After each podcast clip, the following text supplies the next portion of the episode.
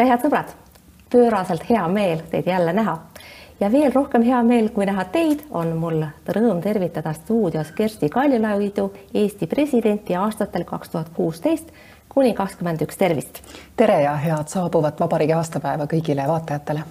see on teema, mille juurde me kahtlemata jõuame, aga saate viimases kolmandikus, vähemasti praeguste plaanide kohaselt. Tahaksin alustada praegus ametis oleva presidendi Alar Karise väljaütlemisest julgeolekuolukorda kommenteerides, et meil ei oleks põhjust muretseda, ta on korduvalt seda rõhutanud, aga teate, mina olen kohutavalt mures. ma olen väga-väga mures, kuidas on lugu teiega? ma arvan, me kõik oleme tegelikult mures, aga me tegutseme, mitte ei keskendu sellele, et kuidas täpselt muretseda, et hästi oluline on see, et NATO heidutus on ju alati toiminud, ühtegi NATO riiki ei ole kunagi rünnatud aga see ei ole kunagi käinud niimoodi, et, et on ilusad sõnad või siidist vihmavari, eks ju. et see on ikkagi mehed, varustus, valmisolek ja see valmisolek sõltub äh, riskianalüüsist ja riskihinnangust. ja sellepärast on hästi tähtis, et meie ja meie liitlaste riskihinnang oleks ühesugune kui see on ühesugune, siis me olemegi kaitstud, sellepärast et äh, siis vastavalt sellele kujundatakse ka ütleme, NATO jõude äh, saatmaks signaali võimalikule vastasele, see ongi see heidutus, heidutus on kord äh, tõsisem, mõnikord ta ei pea olema nii tõsine, me oleme näinud viimastel aastatel ikkagi väga palju heidutavaid olulisi samme. kasvõi noh, siin pole veel aastatki möödas harjutusest Defender Europe, kus taevast sadas sadu langevarjureid Venemaale üldse ei meeldinud või Venemaa võimule, ma mäletan et ka nüüd ju tegelikult on üsna selge, et NATO astub samme, et me oleksime jätkuvalt kaitstud mitte sõnades, vaid tegelikult ka päriselt heidutavate jõududega. samas olete te ise väljendanud imestust, et lääs on nii ühtne, samas see oleks võinud ju olla midagi, mida me ootame, mida me peame eelduseks, teie olite üllatunud, miks? Ma ei ole niivõrd üllatunud, kuivõrd noh, ma olen mures, et äkki mõnikord ei ole ka, et eks ma olen ju sedagi kohanud ja kuulnud ka neid jutupunkte, et noh, kasvõi Valgevene sanktsioonide puhul, et et no ei tea, et ikkagi tavalised inimesed ka kannatavad, eks ole, et noh, tuligi üle küsida nagu Svetlana Tsihhanovskajalt, et mis tema arvab, kas on mõistlik kehtestada nagu rangeid sanktsioone, eks ole. ja noh, tema muidugi ütles, et jaa, loomulikult, sest et noh, raha läheb ju režiimile, et tavaline inimene niikuinii elab peaaegu naturaalmajanduslikult, eks ole. et, et sellepärast, et ma olen näinud ka neid kõhklusi ja ma tean ka neid, neid kahtlusi ja ma tean ka neid muresid ja need on ka täiesti legitiimsed mured, et aga mis siis, kui gaasi ei ole, mis siis, kui Saksamaal on kodud külmad, selle kõigega tuleb ju ka tegeleda, nii et see arutelu käib, see arutelu on igati legitiimne, aga see, kui selgetele sõnumitele me tänaseks oleme jõudnud, võib-olla mõneti see näitab ka seda, kui suur tegelikult see risk ja oht täna on. mis ikkagi siis, kui Venemaal tekib kiusatus panna proovile NATO artikkel viis? ei ole mõtet tegeleda ennustamisega, see, millega meie peame tegelema, on see, et me oleksime valmis, ka selleks hetkeks oleksime valmis ja NATO ju harjutabki sellisteks hetkedeks tegelikult ja ei harjuta, mis on veel tähtsam kui see, et harjutavad sõdurid, harjutavad äh, ülemad kaitseväes, harjutavad kindralid NATO-s, aga harjutavad ka ministrid Brüsselis. see on muide kõige tähtsam asi, sellepärast et nemad peavad olema need, kes on valmis kogunema ja ütlema, et jah, see tõepoolest nüüd on selline olukord, me ju teame, et tänapäeval ei tule sõda niimoodi, nagu ta tuli kahekümnendal sajandil või üheksateistkümnendal sajandil, et puhuti sarve ja algas. tänapäeval on see väga keeruline üldse hinnata ja mõista, kuna see sõda on tegelikult siis nii-öelda alanud, keegi ei kuuluta kellelegi enam sõda. ja hästi oluline on, et ka poliitiline tasand oleks kogu aeg harjutanud, treeninud, millised on meie vastused, kui läheb nii. Ja ma tean, et see kõik toimub. Ja see on väga-väga oluline, selles on olnud Jens Stoltenberg väga tugev peasekretärina, et ta on ka poliitilise tasandi pannud mõtlema erinevate riskianalüüside peale ja, ja tegema seda, seda koostööd ja valmistuma. Te olete arvanud, et Putini kõne võib-olla ei ole väärt sõna-sõnalt analüüsimist, aga teate, ma püüdsin seda kuulata, väga raske oli keskenduda ja selle toon oli midagi säärast, mis tegelikult jälgimise tegi piinavaks, painavaks, see oli, see oli väga raskesti talutav kõne. ja mul on ikkagi ettepanek, et räägime sellest lühidalt, sest äh, ta ju tegelikult pööras ajaloo pea peale kirjeldas seda konstruktsiooni, nagu tema ajalugu näha sooviks. missugused järeldused ikkagi peaks läänes tegema sellest ajaloo esitusest, nagu Putin seda välja pakkus? no minu arust see näitaski, et see narratiiv ei ole isegi talle usutav et ta tegelikult ju asub kogu aeg maailmas, kus ta teeskleb, noh näiteks teeskleb, et ta kardab NATO, NATO-t oma piiride lähistel. palun vabandust, aga kui sa kardad NATO-t oma piiride lähistel, siis noh, siis seal Ukrainas ja Valgevenes nagu sebida selliste väekoondistega ei ole tarvis, eks ju, vaata, kus siis NATO on, NATO on teises kohas, eks ole. et, et see kõik ju ei vasta üldsegi tõele. Ja, ja, ja ta ei püüdnud ka minu arust väga veenvalt jätta seda muljet, et ta ise seda usub, mida ta räägib tegelikult nagu üksiti, aga loomulikult ei saanudki sellest ütleme teie jaoks välja kõlada nagu sellist koherentset mõtet, sellepärast et see on ju õigustus, see ei ole ju, see ei ole ju usutav lugu, mida ta räägib. Teate, me siin läänes paljud mõtlevad kogu aeg selle üle, et mida ta siis ikkagi lõpuks tahab ja kogu aeg püütakse aru saada, et mis võiks olla see järgmine samm. Eestis ei ole väga palju neid inimesi, kes on võinud äh, talle otse silma vaadata, temaga mõtteid vahetada, teie olete üks neist vähestest, kellel üldse elu jooksul on see võimalus olnud Teile heideti tookord palju ette, et te sellele kohtumisele üldse läksite ja nii edasi, me ei hakka sinna võib-olla tagasi minema, kõik, mis need asjaolud tookord olid, kuid kas te oleksite nõus sellesse hetke minema tagasi selles mõttes, et meenutada seda tunnet, mismoodi teil oli seal olla?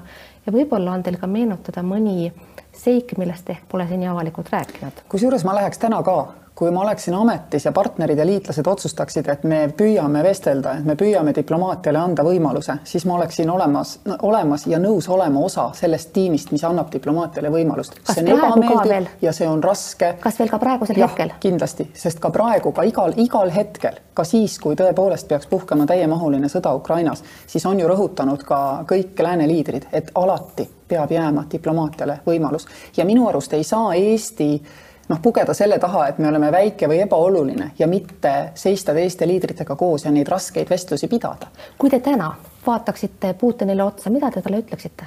ma ei tea, mida ma näeksin seal, sest et see inimene, kellega mina kohtusin, oli selgelt detaile valdav, täpne, kui ta mõnda detaili ei teadnud, ma nägin, et see teda ärritas tegelikult üsna, üsna korralikult ja, ja selline tark malemängija. kas ta täna mängib tarka malet ja kas ta otsustab igal hommikul, kuhu ta nüüd liigub, kuhu on tema sammud viinud, millised on uued võimalused, millised on vanad võimalused, ma seda ei tea.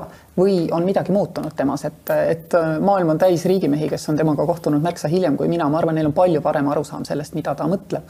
aga me ei peaks üldse püüdma prognoosida ja kavandada, me peaksime tegelikult kogu aeg lootma parimat, aga valmistuma ikkagi halvimaks ehk et olema valmis ja võimelised toetama Ukrainat sellega, millega keegi saab, eks ole, kes välihaiglaga, kes rakettidega, eks ju, noh, see on selge, et Ukraina sõdima peab ise. suur küsimus on noh, kui motiveeritud siis on Ukraina armee, nad tunduvad olevat äärmiselt motiveeritud ja, ja see on ju ka parim heidutus, kui Venemaa tunneb, et nende vastas seisab armee, kes suudab põhjustada noh, suuri kaotusi, mis on, mis on kohutav tragöödia ja katastroof ja ma tunnen juba ette, kui see peaks juhtuma kaasa kõikidele emadele Ukrainas ja Venemaal, eks ole, kelle, kelle pojad ei tule enam mitte kunagi koju ja see on kohutav. ja vaata... ainus mõte, mis ma arvan, täna võikski teda tagasi hoida, kui ta on endiselt see tark malemängija, ongi see. hästi korraks veel selle kõne juurde, ma loodan, et te lugesite Andrei Fostovi kirjutist, mis ilmus Eesti Ekspressis ja siis äh, Delfi veebis. Ja selles viitas Fostov sellele, et me, meiegi siin peame võib-olla olema valmis kaitsema oma leninlikku minevikku. mäletatavasti viitas Putin oma kõnes sellele, et Ukraina tema tõlgenduse kohaselt on üks Lenini näpuviga, aga teatavasti kirjutas ju ka Tartu rahule alla üks bolševik. Ehk siis kui te oleksite nii hea ja kommenteeriksite seda mõttekäiku ja selle relevantsust teie hinnangul? mul on hästi keeruline Andrei Vostovi mõttemustreid äh, kommenteerida, aga Eesti Vabariik äh, sündis keerulistel aegadel Euroopas, me suutsime kasutada ajalooakna ära äh, kolmkümmend aastat tagasi ja täna rääkides Kadrioru Saksa Gümnaasiumis koolilastele, ma meenutasin seda, kuidas Lennart Meri igal aastal kakskümmend neli veebruar, nii et, et noh, peaministrid, kõik pahurad olid nagu kogu aeg kiirustas meid tagant, et kiiremini tuleb minna Euroopa Liitu ja, ja püüda saada ka NATO-sse tuleb seada omale kõrged ambitsioonid, ei ole aega, see võimaluste aken on lühike. Ja seda tollel ajal, kui paljudele, muuseas ka minule tundus, et noh, et Jeltsini aegne Venemaa, eks ole, mul ei olnud ühtki põhjust arvata, et temast ei tule samasugust Euroopa riiki nagu noh, oli meie ambitsioon, eks ju. et aga ei tulnud, Lennartil oli õigus. Ja, ja me kiirustasime ja me jõudsime sinna NATO vihmavarju alla. et äh, seda noh, seda tuleb äh, väärtustada, mis me tegime, et ka tollel ajal, kui võib-olla noh, paljud inimesed ütlesid, et ah, mis te ajate, ei ole ju mingit ohtu Venemaa poolt siis riigimehed nägid ja teadsid, ehk sa pead olema alati valmis geopoliitilisteks suurteks muutusteks ja vapustusteks, aga ei ole mõtet ennustada, mis juhtub, kuna juhtub.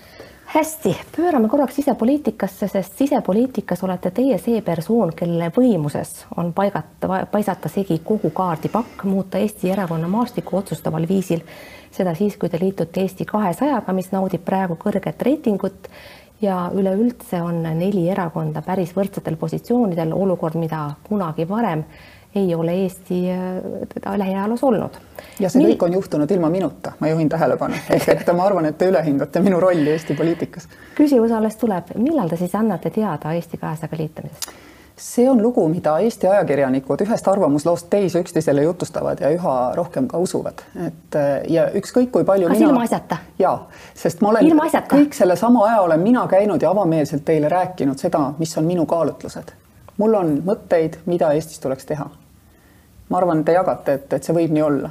Mul võib olla ka arusaam, noh, kuidas teha näiteks rohepööret, eks ole, kuidas toetada, kuidas toetada nõrgemaid selles, kuidas panna KredEx tööle tõeliselt ühistute heaks, mitte lasta ühistutel, eks ju, võidelda KredExi rahade eest ja nimel eh, kuidas, kuidas meie haridussüsteem võiks olla tulevikukindlam, kus rohkem õpetatakse lastele inimeseks jäämise kõrget kunsti, eks ole, juba lasteaiast peale. mul võib olla väga palju selliseid mõtteid. aga nüüd, Vilja, vaadake mulle otsa kas mu silmad põlevad võimujanust? Kas teile tundub, et mina olen see inimene, kes oskab teha seda, mida on vaja teha selleks, et äh, lükata teised kõrvale ja tulla võimule? ma ise kahtlen selles, minu teate, jaoks. kui te saite presidendiks, siis mina ütlen, mina mõtlesin juba koos nendega, kes ütlesid, et teie on peaminister kaduma läinud. kui te liituksite Eesti kahesajaga, siis eeldatavasti te saaksite erakonna juhi positsiooni, kes on ühtlasi peaministrikandidaat. ehk te saaksite realiseerida selle potentsiaali, mida teil Kadriorus realiseerida võimalik ei olnud see on tegelikult väga võimas väljakutse ja see on otsus, mida avalikkus teie käest on pikka aega oodanud. kas te ma just kirjeldasin neid kaalutlusi. ma just kirjeldasin ja, neid kaalutlusi. aga mina räägin otsusest, mida ootab avalikkus. ja Eesti aga seda otsust ei ole. aga millal see tuleb? Äh, see ei ole näitemäng, et seda otsust ei ole äh, see ei ole, see ei ole miski asi, mida me kavalasti plaanin ja vot ei ütle, et ühel hetkel ütlen. minu küsimus on, kas see, et teha Eesti elu paremaks, võib-olla ka maailma parandada, õnnestub kõige paremini ühes parteis või püüda leida laiapindsem mingisugune teistsugune lahendus sellele, kuidas olla osaline, kuidas panustada. minu pärast tulla uuesti tagasi ja olla president äh, mõne aja pärast Eestis, viie-kümne aasta pärast. et äh, ma mõtlen selle peale, aga mul ei ole seda vastust täna ja see ei ole, see ei ole asi, et ma nüüd varjan ja kohutavalt kavalasti ei ütle. aga teate, Eesti kakssada on tegelikult üsna lollis olukorras, istus siin eelmises saates Kristina Kallas, küsisin tema käest ka.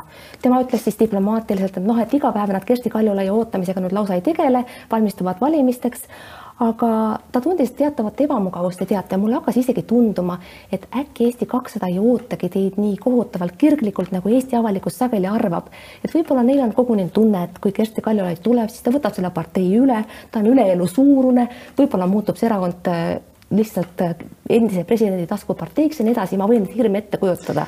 ehk teisisõnu, te panete ka selle erakonna teatud surve alla, me jääme küsima, me küsime iga päev. aga see ei ole minu vastutus, mina ei ole mitte kuskil poole sõnaga öelnud, et ma kaalun liitumist Eesti kahesajaga et ma kaalun liitumist Eesti Reformierakonnaga, et ma kaalun tagasiminemist Isamaasse, et ma kaalun liitumist sotsiaaldemokraatidega. ma ei ole ühtegi nendest lausetest välja hääldanud, ma ei tea, kust te seda võtate.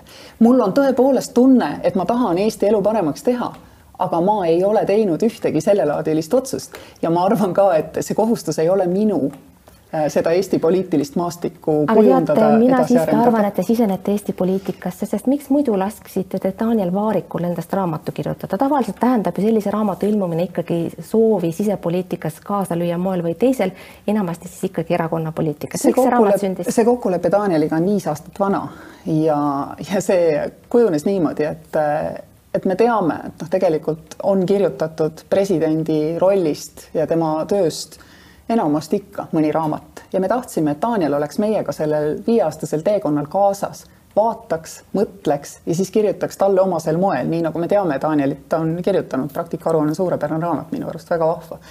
Ja, ja sellepärast on Daniel olnud kaasas kogu selle viisaastaku. aga viis aastat tagasi ma tõesti ei saanud kuidagi planeerida Eesti kahesajaga liitumist, ma ei ole seda ka, ka täna planeerinud, ma ütlen, kutseid on erinevatelt erakondadelt. ma kindlasti tahan, et progressiivsed, demokraatlikud, valged jõud Eestis oleksid kogu aeg ja jätkuvalt võimul, aga ma ei tea, mis on igal ajahetkel see parim viis, kuidas mina sellele saan kaasa aidata. kas ei või siiski juhtuda, et Eesti poliitikasse sisenemine osutub lõpuks teie jaoks lihtsalt tas-, selliseks käepäraseks varuvariandiks juhuks, kui te ei saa mõnda suurepärast rahvusvahelist ametikohta, millele te kahtlemata sobiksite, näiteks minu hinnangul sobiksite te väga hästi NATO peasekretäriks, no aga väga tõenäoliselt ei saa seda kohta. on teil võib-olla mõni sinine raud tules, millest me siin ei tea? aga miks üldse peab kogu aeg tules olema midagi, et minu käest täna lapsed küsisid, et mida te nüüd teete ja minu vastus oli üllataval kombel mulle endalegi üllatusena seda, mida enne ma käin ja räägin Eesti inimestega täpselt nii, nagu Arnold Rüütel seni, kuni ta jaksas, ta jäigi käima ja suhtlema Eesti inimestega.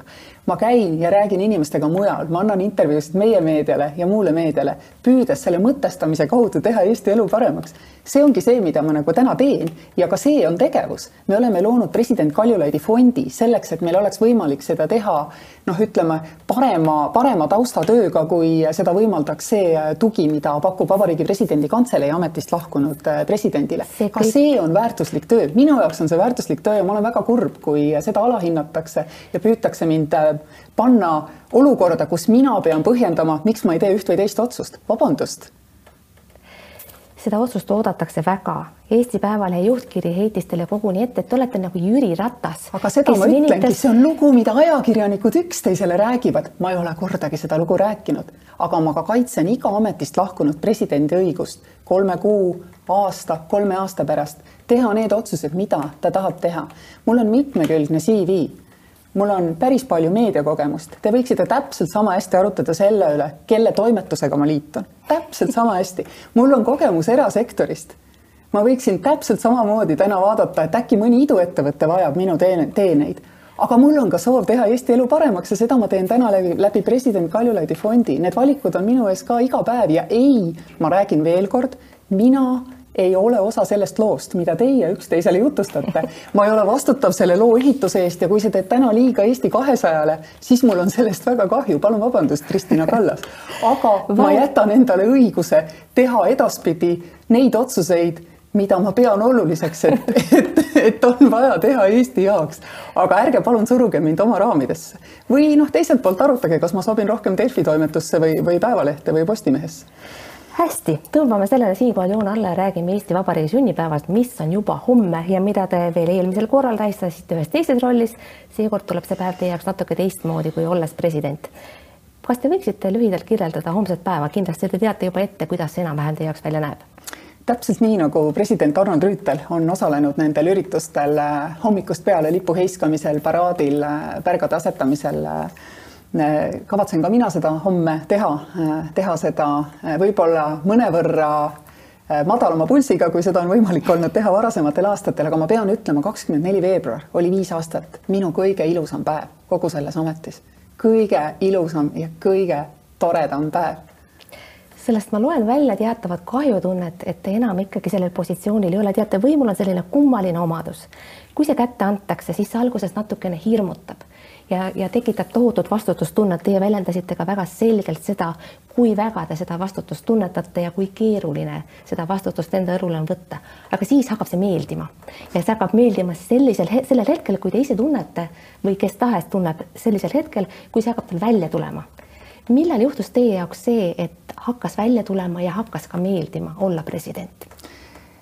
Seda on keeruline öelda, et ma olen nõus sellega, et harjudes ütleme, see aukartus selle ameti ees asendub mõne, mõningase suurema enesekindlusega, aga minu puhul kindlasti mitte nagu põleva võimuihaga. et seda oli muide väga ilus näha Münchenis, kui võimu presidendil on niikuinii vähe. kui Kamala Harris äh, pidas oma kõnet, siis ma nägin, et siin räägib inimene, kes on endiselt ise noh, ta tunneb aukartust selle rolli ees, mis talle on äh, antud ja ta ei ole kasvanud ühiskonnas sellise koha peal kus see oleks olnud iseenesestmõistetav, et, et temast võiks midagi sellist saada. seda on nendest inimestest näha ja seda oli tegelikult hästi ilus nagu vaadata. nii et iga ametisse astuv president kindlasti tunneb selle ameti ees aukartust ja kindlasti tema enesekindlus selles ametis kasvab ja, ja mul oli tõepoolest kakskümmend neli veebruar oli minu lemmikpäev selles ametis, mis aga... võib-olla ütleb üht-teist jah, selle kohta mulle tõepoolest meeldis oma töö. aga küsimus oli, mis hetkel te hakkasite ennast selles ametis hästi tundma ja mis hetkel hakkas see amet teile päriselt meeldima? Ma ei mäleta seda, ma arvan, et seda hetke ei ole, et, et on hetki, kus sa noh, alguses ma sain ju väga hästi aru, et Eesti rahva ootus oli noh, pigem nagu allpool nulli, eks ole, sest et Eesti rahvas mind ei tundnud, ajakirjandus võib-olla mõnevõrra paremini, eks ole. mõni sain... arvas, et teist saab portselankuju ka mina silmsil. ja, ja ma sain ka sellest aru, et liikudes inimeste hulgas ringi, et oli teatud rahulolematus sellest, et, et noh, kui palju president oli, oli noh, peaks liikuma nagu Eesti inimeste hulgas ja kui palju see välismaine roll on nagu oluline ja ma lubasin lubasin iseendale, et ma püüan teha kõike seda, mida tegi Toomas Hendrik Ilves Eesti jaoks ja samal ajal püüan teha ära ka selle, mida tegi Arnold Rüütel Eesti rahva jaoks. mis tähendas, eks ole, seda, et niipea kui sa tulid lennukist maha, sõitsid sa kuhugile kaugemale.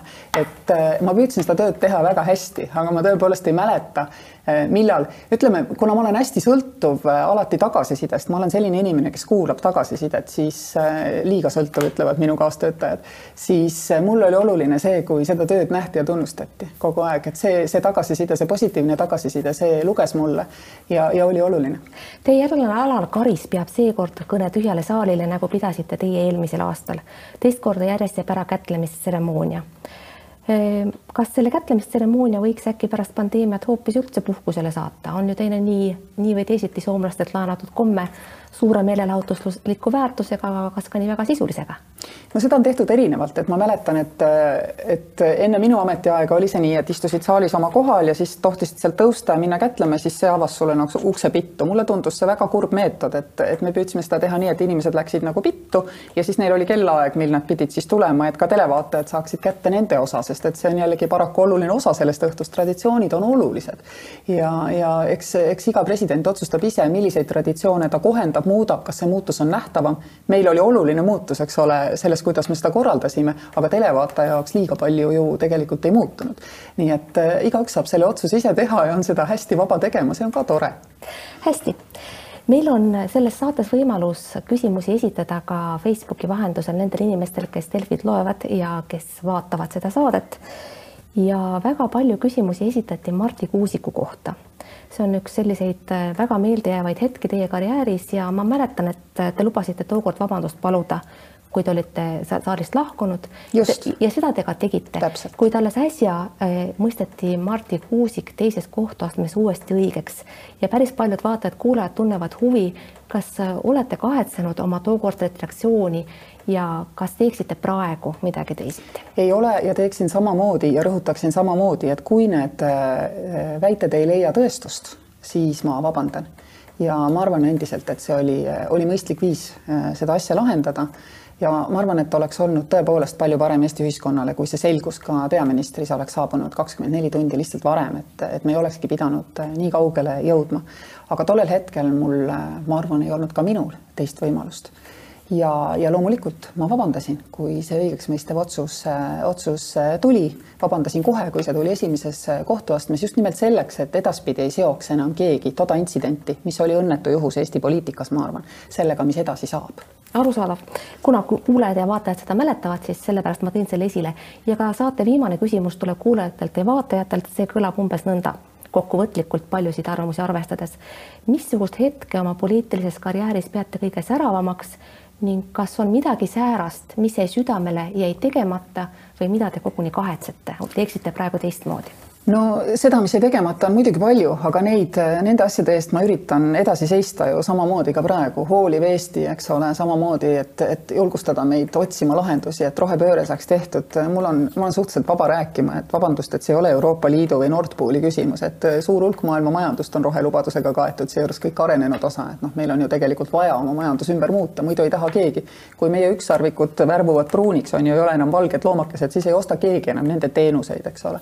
et, et kõiki neid asju, mis jäid pooleli või mis minu arvates ikka on Eesti ühiskonna pudelikaelad, on mul ka praeguses rollis äh, tegelikult hästi-hästi noh, ma tunnen, et see on nagu vastutus püüda neid asju edasi teha, et selles mõttes nagu midagi ei kripelda ka. aga säravam ilus..., kõige säravam hetk? Äh, see on küll nüüd ikka teiste inimeste otsustada, mis see kõige säravam hetk oli ja see on kindlasti eri inimeste jaoks äh, väga erinev. enda jaoks, seda oleks minu enda jaoks oli teada. kõige, kõige raskem hetk oli, oli seista Viljandi teatri laval ja pidada see vabariigi aastapäeva kõne, mille ma seal pidasin. Aga ma ei saanud teisiti ka teha, sest mina mõtlesin, kui ma seda kõnet kirjutasin selle peale, mida teeks Lennart, kui me ühel hetkel nagu euroopalike väärtuste teelt oleksime kõrvale kaldumas. ja ma sain aru, et minu käes on see suur kivi, mille ma saan sinna tee otsale ette veeretada ja see on nii raske seda teha ja see on tõesti pidupäev ja paljud inimesed võib-olla noh, küsivad, et miks pidupäeval, aga meil on see Lennart Meri aegne traditsioon, et see ongi see koht, kus sa saad ühiskonnale tõeliselt olulisi ja märgilisi asju teha, mis tõeliselt päriselt ka mõjutavad Eesti käekäiku loodetavasti paremas suunas. see oli väga raske. aga see, ma arvan, et see oli ka väga oluline saime nüüd ühtlasi ka vastuse sellele küsimusele, missugune kõne sündis kõige raskemini ja on teil endal kõige paremini meeles? ta ei sündinud raskelt, aga seda kõnet pidada, teades, et on pidupäev, oli tegelikult väga raske. Kersti Kaljulaid, ma tänan teid kogu südamest selle jutuajamise eest, aitäh, et tulite stuudiosse, head homset pidupäeva! Aitäh, kallid sõbrad, et vaatasite, vaadake teinekord ikka jälle, elage vahepeal hästi, olge terved, kuulmiseni, nägemiseni